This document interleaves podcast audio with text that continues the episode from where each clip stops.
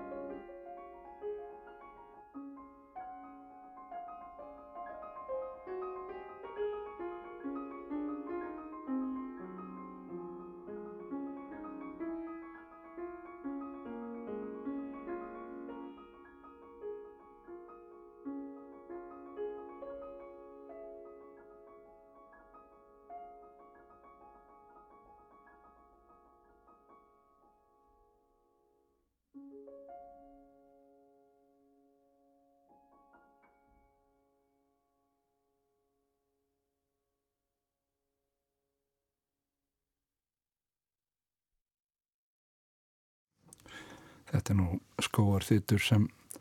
tekur því að tala um. Salma Guðmundsdóttir spilaði fyrir okkur tónlist eftir Frans Liszt. Það er nú, er þið nú heldur berangurslegri íslenska píanómusikinn ef hún ætti að lýsa skóar þyknum á Íslandi. En þetta er píanistísk músik, Salma. Já, þetta er, þetta er hérna índislega þessi etíða eftir list hérna, og, og það var, ég gleymi því aldrei þegar ég var með Arna Kristjánsin í, í stofu þrjú upp í tónlistaskóla og ég var að læra þetta verk og hvernig hann svona e,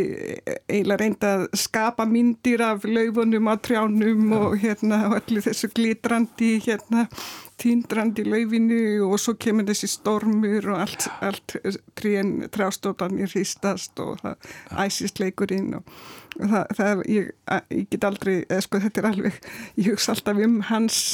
sín á verkinu sem er eiginlega fylgið mér Já. í tólkuninni sko. Getur þau borið saman svona áhrifin sem hann hafið og svo þeir kennarar sem komið síðan eins og þú lendir hans lægraf? Já, það nefnilega mjög eh, aðtilsvert að bera þá saman vegna þess að, að Árni hann eh, var svo, sko, hans áhersla var alltaf á tónskaldið og verkið og það sem að þau, sko, hann taldi sér finna í verkinu Eh, og, og svona flytjandi var það íla sko átti að miðla því sem að kom bara bynd frá, mm. frá tónskaldin þessi skilningur sem að kannski að sumpartin fyrir hann var oft sá eini rétti og, og, og var hann, hann en þú veist ég var um aldrei með einar efarsendi því að hans skilningur og hans tólkun var alltaf svo stórkostlega það var, það var það, en, en þetta var sko samt svolítið svolítið þannig eða e, Já, þetta var, eh, sko ekki, ég vil ekki segja þetta að veri heftandi en þetta hafði samt svolítið þau áhrif að maður var eh, kannski ekki alveg nógu sjálfstæður og, mm. e, og hérna þegar maður það að því einhver tíma náttúrulega kemur að því maður þarf að standa algjörlega á eigin fótum og, og, og hérna gera hlutina eins og maður vil gera á sjálfur og það, hans lægra var alveg algjör anstæða af því að hann hafði eiginlega bara áhuga á því hvað maður vildi sjálfu gera með verkið og, og, og kennslan hjá honum engendist þá af þessu að hann, hann eiginlega setti upp svona hérna, tímaplan þannig að maður kom til hans daglega í eina viku í kennslustundir og svo fór hann í burtu í þrjár vikur og á þinn tíma átti maður að læra verkin og bara og mæta með þau alveg full mótið í fyrsta tíma kunnaðu utan að og, og svona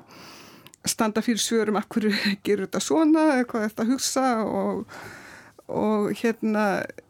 og þetta var náttúrulega já það, það sem að sko ég hugsa oft eftir á að það er mjög mikilvægt fyrir því sem listamæður að auðvitað ertu kannski svona millið, bara millið tónskalsins og áhærendina og mm og þú sjálfur ert kannski ekki átt ekki endilega að setja þig í fyrsta sæti, það er kannski svo hugsun sem að átni presenterar að, að hérna sko, en, en, en, en svo svartu samt sko, ef, ef þú ert þessi flytjandi að það er svolítið mikið sem kvílut á þínu herðum, þú, verð, mm. þú verður að minnst að hafa gert þetta algjörlega að þínu ín og, og, og vera sterk og standa sterkur fyrir þínu því að Þannig að Lægraf hann hefur svona hjálpað þér að, að þróa þinn eigin samfæringakraft, getur við sagt. Já, í raun og veru þannig, já, að, já. að hann var ekki sko að, hérna, kannski músikast að reyna eins og mikið að móta mann en, en svona kannski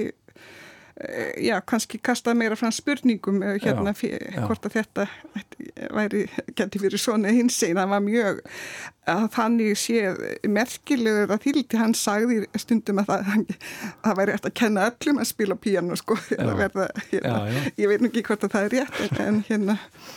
Já, ef þeir finna sinna eigin samfæringakraft þá náttúrulega geta flestir spilað eitthvað. Já, já, en þetta er svona aldrei spurning sko með, með á egoið sko að hvort, þegar maður sýtur nú á tónleikapallu er að spila, mm. hvað er mikilvægast, er það ég sem bíanleikarinn eða er það músíkin eða er það tónskaldið hvað hva er hver svona það er þessi það er tví ekki að sverð þetta að, að sko já. það er ætlast til þess að þú hafir mjög mikla útgeslun og samfæringakraft já, en samt átt einhvern veginn líka alveg að vera á valdi tónlistarinn já, nákvæmlega. Þetta er, þetta er vald með farið. Já, nákvæmlega. Og þú getur stundum orðið voðalega lítill sko ef þú ert bara eitthvað peð í því að skila skila því sem tónskaldi vildi en, en þetta, þetta er svona skemmtilega pælingar. En þú, þú talar um sko samfæringarkraft Átna Kristjánssona en, en svona hvenar, hvenar uppgötuðar þú fyrst músík? Það hefur nú væntanlega verið áður en þú byrjaði að, að læra á píjano eða hvað? Já, e, ég sko, faði mín var e, og, og, og móðu mín líka þau, e, hérna, það var mikil músík þannig á heimilinu, hann var spilaði mikið tónlistaflu af gramofón og og það var piano og, það reynda sko hann var, ég fætt á Ísafyrði pappi kom þangast aðgóðum maður og byrjaði að kenna við Gagfræðskólan og, og hann hafi lært sko á hljóðfæri af föðu sínum sem var organist í Grindavík. Já, já. og kendi allir sínir börnum, 14 börnum á, á, á hljóðfæri. Er en, en hérna, og svo þegar pappi er koma til Ísafjörðar og fann að kenna við Gagfræðskólan að þá þá vant, vant já, þá fyrir hann að sækja sig frekar í mentun hjá Ragnari í píanleik eh, Ragnar á Ragnar skólastjóra og, og, og er bara fljóðlega dubbar upp sem kennari við skólan hérna, það vant að kennara og, og hann fyrir að taka nemyndur pían og nemyndur þeir koma heim til okkar og hérna þeir ég held að sko það er einlega fyrsta minning sko sem ég veist að já, heyr, þetta er eitthvað sem, sem ég vil gera. Þá var það að ég vil sýta þarna á sem bekk með nóturnar og býða eftir því að fara í, í bíjanútíma Þannig að þetta er svona verið kannski meira svona félagslegt í byrjun þetta væri eitthvað sem væri skemmtilegt að gera. Já, já þannig sé sko. Og ég var svona já, ég, ég var svona kannski, ég var rosalega hérna þrótt mikil krakki. Ég var, svona, ég var ekkert þannig týpa sem að sati við hljóðfæri allan daginn og, ekki heldur að læra því ég var fljóta að læra og ég var mér fannst ég var alltaf einhverstað út að leika mér sko en, en svo samt ég minna það var, ég endla var partur á skólan og Ísafyrir það var alltaf verið að láta okkur koma fram á tónleikum alveg hérna þess vegna upp á svið í alþýðúsinu hérna, ég man eftir mig bara sem ég ung þegar mamma er að setja í mig einhverja slöngu lokka og setja mér í kjól til að fara upp á svið og spila í, hérna, á tónleikum í, fyrir, fyrir það var, sko, það var fylgist allir bærin með starfi í tónlistaskólan svo ja. alltaf fylgta fólki á þessum tónleikum og hérna, það var þannig að mann alltaf þetta, þetta hefur allt saman svona, eh, svona áhrif sko en, en svona kannski svolítið erfitt að staðsetja nákvæmlega sko hvena ég fer að verða svona virkilega svona ástfóngin af tónlistinni þegar mm. hvernig það gerist ég, það er kannski því að svo er ég líka sko gagfræðaskóla ára þá er ég alveg líka í popinu og hef gaman að allir þannig en svo samt í, í mann, já þá er ég komið til Reykjavíkur og, og og það er kannski, þú veist, eh, eh, þegar ég komin í mentaskóla þá er ég komin með áskriftakort á symfónína og já, hérna. Já, já, bara sem ung kona. Já, og, og, og, og það, og svo, svo þegar í, hérna, í, í sumhverju þarna í tónlistaskólan þá eru við smá saman hópur af krökkur sem kannski erum í partím og hlustum á Beethoven symfóníur ja, ja,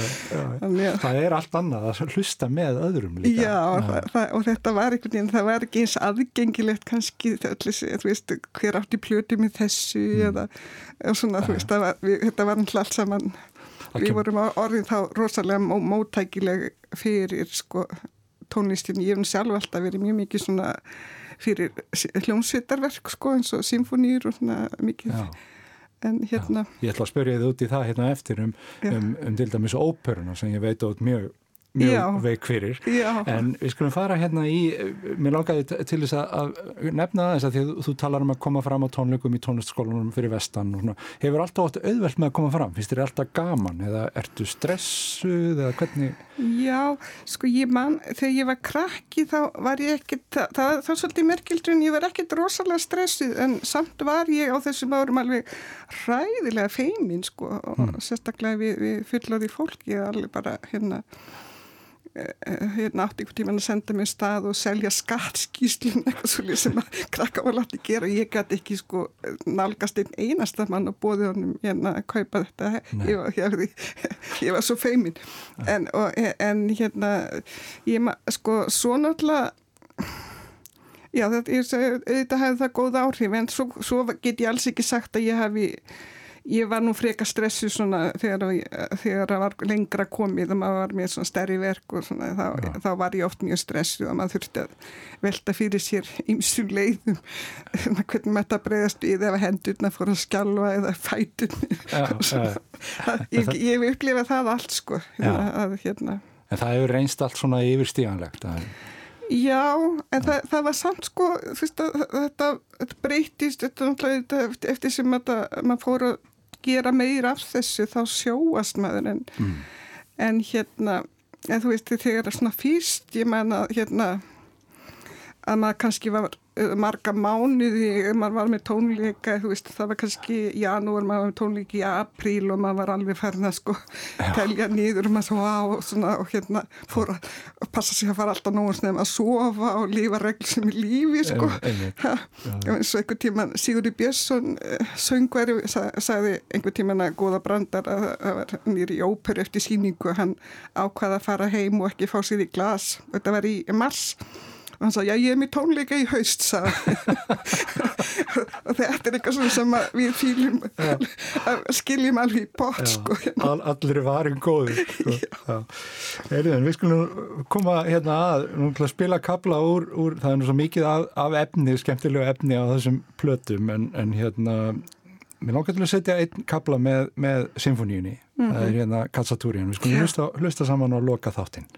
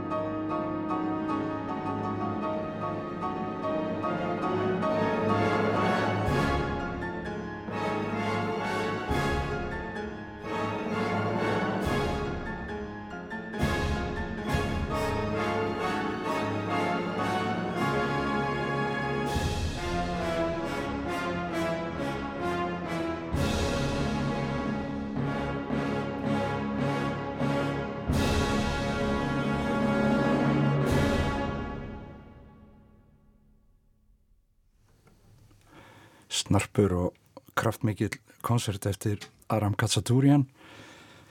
Selma Guðmundsdóttir við hljóðfarið og hún situr hérna hjá mér mikið að svörtum nótum, hann er í destur þessi. Hvernig er þetta Selma þegar þú heyrir þetta, eh, sko taka sig ekki upp bara gamlar fingrasetningar og Jú, jú, örglega sko, ég, hérna, þetta var eh, það var nú ótrúlega skemmtilegt. Ég fekk nefnilega að spila hennan koncert sko fjórun sinnum í allt, eða þrísami symfónínu hér og Þetta er symfónían hér með, með Páli Pamfiklir Ég var sem sagt, að byrja þannig mér var bóðið að spila, spila með hljómsinni symfóníusin í þrandimi og þá valdi ég þennan koncert og svo, svo hérna hafi ég samband við symfóníuna hérna heima og hvort ég get ekki auksanlega fengið að, að pröfu kera hann hérna Já. og fekk að, að bóða það upp á tvenna tónleika sem að voru sem ég deputera mér symfónljósni hérna heima upp í Lógalandi í Borgafyrði og, og svo spila ég kvöldu eftir spila ég upp í hérna Hlegarði í Mósarsveit og, og svo þriða daginn er gerð þessi uppdaka sem við vorum að hlusta á í, já, já. Hérna, í háskóla bíu af, af útarpinu hérna. Þannig að þú farið þarna á lítið turni með, með symfóníunni Já, ég reyna að vera og það var, var mjög skemmtilegt og gaman að vinna þetta með Páli Pampílir og svo spila ég þetta setna, eða nokkur mannuð setna út í Nóri og svo tveim árum síðar aftur með, á áskriftatónleikum symfóníinni mm. Þannig þetta var, ég, þetta var heil mikið æfintýri með hennar konsert sko. Já, þú varst að tala hérna á þann að, að maður þurfti að vera svona vel undir búin og, og reglusamur samanber söguna Sigga Björns hérna en sko þetta er líka bara líkamlega aldrei að spila þetta sko. Þetta Jú, er hann er mjög krefjandi þessi, þessi konsert sko já. og akkurat mikil átök og hérna og já, mað, maður þarf að vera í, í, í mjög góðu, góðu formi sko, allir leiti og hérna og ég náttúrulega þetta, svona, þú veist, það að læra koncepti var náttúrulega margra mánuð að vinna og það var, mm. það var svolítið fyndir að þá, þá voru leyendur í kellarum í húsin sem ég bjó í sem að sem að voru svolítið, já, heyrðu þið náttúrulega mikið af mínu æfingaferli og svo var ég búin að vera að spila katsatúri en mánuðin saman og kannski aðalega hann og svona þá. Og svo, svo var þetta búið og þá fyrir ég náttúrulega að gera aðra hluti og einhver tíma nýtt ég leiðandan og segi, já, mér finnst nú kannski hafa skipt svolítið um stíl það var kannski komið að óskýrum hvað þú ættir að vera að spila og voru kjallar Já, þetta er eins, eins ólíkt kannski shopping nocturnu það er rosalega kraftur í sen en hérna og, og hérna, já, þetta var þetta var ótrúlega skemmtilegt og, og hérna já. Þetta er önnur innstillingar ekki komin kannski hérna aðeins inn á það svona, að fara í þetta með symfóníunni þar sem þú ert náttúrulega ekki lengur einn á sviðinu Nei, nákvæmlega, sko, þetta er, þetta er hérna þetta er, þetta er rosalega stort svona ego-dæmi, sko, mm. að koma fram sem einleikari með hljónsitt, af því að þá er þarna í raun og veru er kannski einu skipni sem að bíleikan er með svona eins og sem undirleik sko, já, veist, að, því að, að því að hann er annars alltaf annarkot einn eða þá alveg vera eins og kannski þó ég noti nú aldrei orði undirleikar en samt að spila með öðrum sko. Mm -hmm þarna hefur maður og, og við náttúrulega erum ekki píanleikar er ekki eins vanir hljómsettina því að þeir er, koma svo lítið við sögu í þessu vennilega starfi symfónljóðsuna þannig að þetta er rosalega, þetta er rosalega spennandi hérna ferli sko, að vinna með að spila koncert með, með hljómsett það er Já En ég er með hérna annað dæmi sem er gaman að fara í að því að þú tala um þetta þessi mismunandi hlutverk sko og hérna ertu með, þú nefndi líka sjópæn og hér er einmitt kapliður falleri sellosónutu sem spilaði með, með Gunnar í Kvaran. Ég hef ekki að heyra þetta, fallega largo.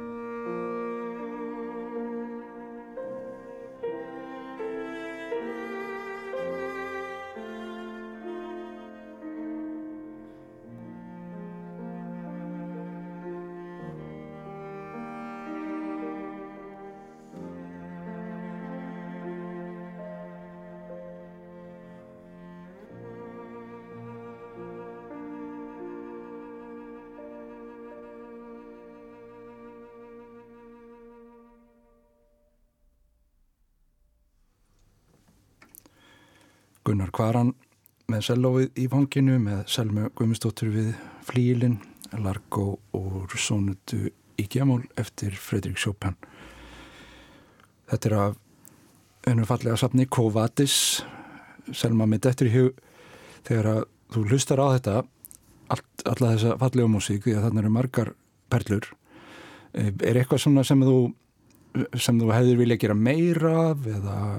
svona, sérðu þetta í þýljósi eitthvað? minna af einhverju kannski Já, þetta er nú alltaf erfið spurning mm. hérna,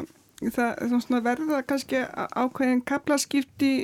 í lífi mínu einhver tíman millir 1992 sem þá er ég fann að spila miklu meira með öðru hljóðfærleikurum sko Já og eh, ég kannski spyrir mér svolítið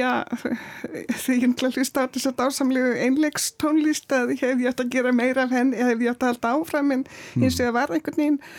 á þessum tíma eh, þegar þetta gerist að þá eh,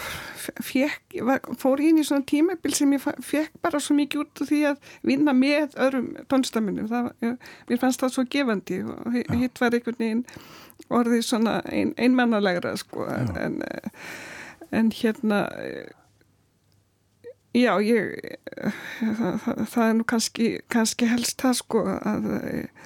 kannski að spila meira, meira solo en, en, en, en ég get samt ekki sagt því ég sé ekkit eftir neinu sem ég gerði sko, það, Nei, sem kom í staðin að ég var svo heppin ja. með þetta samstarf með Gunnari og Sigur Neðvaldstóttur og svo með Kamensutur Reykjavíkur að það var alveg hérna, já, í raun og veru e, til dæmis eins og kammer tónlist kvartettar, tríu og kvartettar kvintettar, það er bara e, það er svona alveg toppurinn það, það er svona fullkomnin einhvern veginn að, að skapa svona verk saman, svona lítið hlópur það, það, það er náttúrulega ótrúlega gefnd og það var það sem að svolítið tók við sko og ég get svo sem ekki séð eftir því Nei, og það er eh, fullt af því líka, það eru þarna piano kvintitar og, og fleira sem já, eru með já. þessum, þessum fallaða diski og, en við ætlum samt að, að enda þetta spjall á, á lítilli falleri ettuðu eftir Alexander Skrjapin og með því þakka ég þér kærlega fyrir, fyrir heimsóknina og til hamingi með þetta glæsilega sapn og hlustendum þakka ég hlustununa og Takk. við hveðjum. Takk fyrir það. Thank you.